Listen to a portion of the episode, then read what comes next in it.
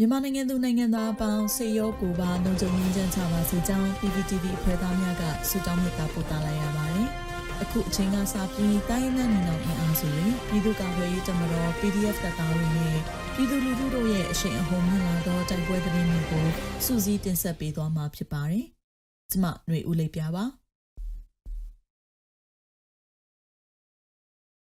ပထမဦးစွာမြဝတီဝေါ်လီလမ်းမတိုက်ပွဲဖြစ်ပွားတဲ့သတင်းတင်ဆက်ပါမယ်။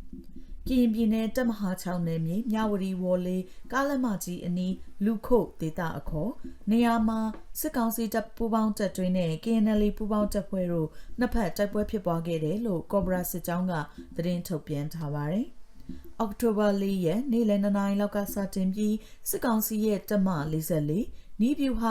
441လက်အောက်ခံ ခမာယ100နဲ့ခလာယ8ခမာယ1အပြင်ခလာယ200ခွန်ကတက်ကူအနေနဲ့ပါဝင်လာပြီးနေမြေကျော်ဝင်ရောက်ဖို့စ조사လာတဲ့အတွက် KNL တရင်20ခွန်ကော်ဘရာပူပေါင်းစစ်ကြောင်းတပ်မဟာစစ်ကြောင်းတခွဲနှင့်ပူပေါင်းတပ်ဖွဲ့ရင်းနဲ့ညနေ3နာရီခွဲလောက်အထိတိုက်ပွဲဖြစ်ပွားခဲ့တာပါ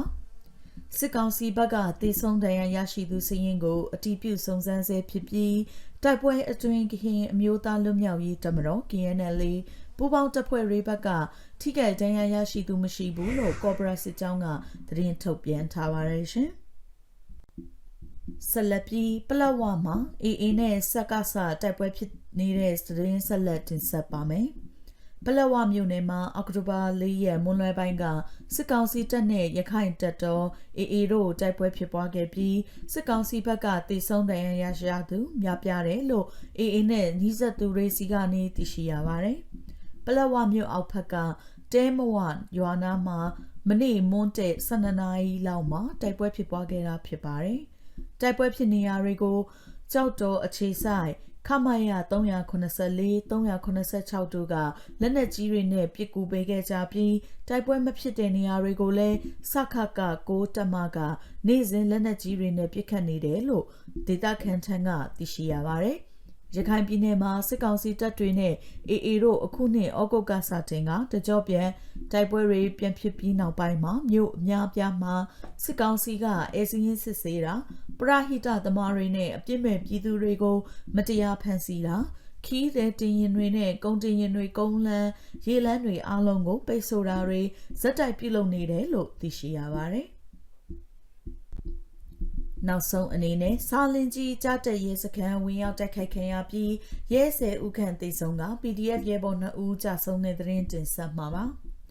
စကိုင်းတိုင်းစာလင်ကြီးမြို့နယ်ကြားတက်ရဲစခန်းကိုကာကွယ်ရေးတပ်ဖွဲ့၅ဘွဲကဝင်ရောက်တိုက်ခိုက်ခဲ့ပြီးရဲဆယ်ဦးခန့်သေဆုံးခဲ့ကြောင်းသိရှိရပါတယ်။ကြားတရဲစကန်ကိုအောက်တိုဘာလ2ရက်နနက်6နာရီခန့်တွင်စာလင်ကြီး Special Task Force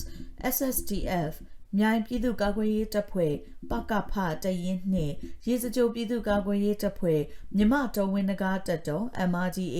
စသည့်ညီနောင်မဟာမိတ်အဖွဲ့များက9နိုင်ကြောကြာဝင်ရောက်စီးနှင်တက်ခတ်ခဲ့ခြင်းဖြစ်ကြောင်းသိရှိရတာပါအဆိုပါရဲစခန်းကိုဒေသခံကာကွယ်ရေးတပ်ဖွဲ့များကစစ်ကြောင်းနှစ်ကြောင်းခွဲကဝင်ရောက်တိုက်ခိုက်ခဲ့ပြီးပထမစစ်ကြောင်းဤတိုက်ခိုက်မှုကြောင့်ရဲ9ဦးသေဆုံးခဲ့ပြီး G2 တနက်တလက်သိမ်းဆည်းမိခဲ့ကြောင်းဒုတိယစစ်ကြောင်း၏တိုက်ခိုက်မှုကြောင့်ရဲစခန်းနှင့်ရှိဘန်ကာ၃ခုကိုထိမှန်ခဲ့ပြီးရှေ့ထွက်ဘန်ကာများရှိဆက်အထိုင်နှစ်ခုမှတစ်ခုကိုထိမှန်ခဲ့ကပျက်စီးခဲ့ကြောင်းရင်းတိုက်ပွဲအတွင်းစခန်းတွင်မှရဲဆယ်ဦးခန့်တေဆုံးကအနည်းဆုံး18ဦးခန့်ထိခိုက်ဒဏ်ရာရရှိခဲ့ကြောင်း SSTF အဖွဲ့မှရဲဘော်ပိန်းနှင်းစိတ်နှင့်ရေစကြိုပြည်သူ့ကာကွယ်ရေးတပ်ဖွဲ့မှရဲဘော်ဝါလုံးတို့လည်း တိုက်ပွဲအတွင်းကြဆုံးခဲ့ကြောင်းသိရှိရပါတယ်ရှင်။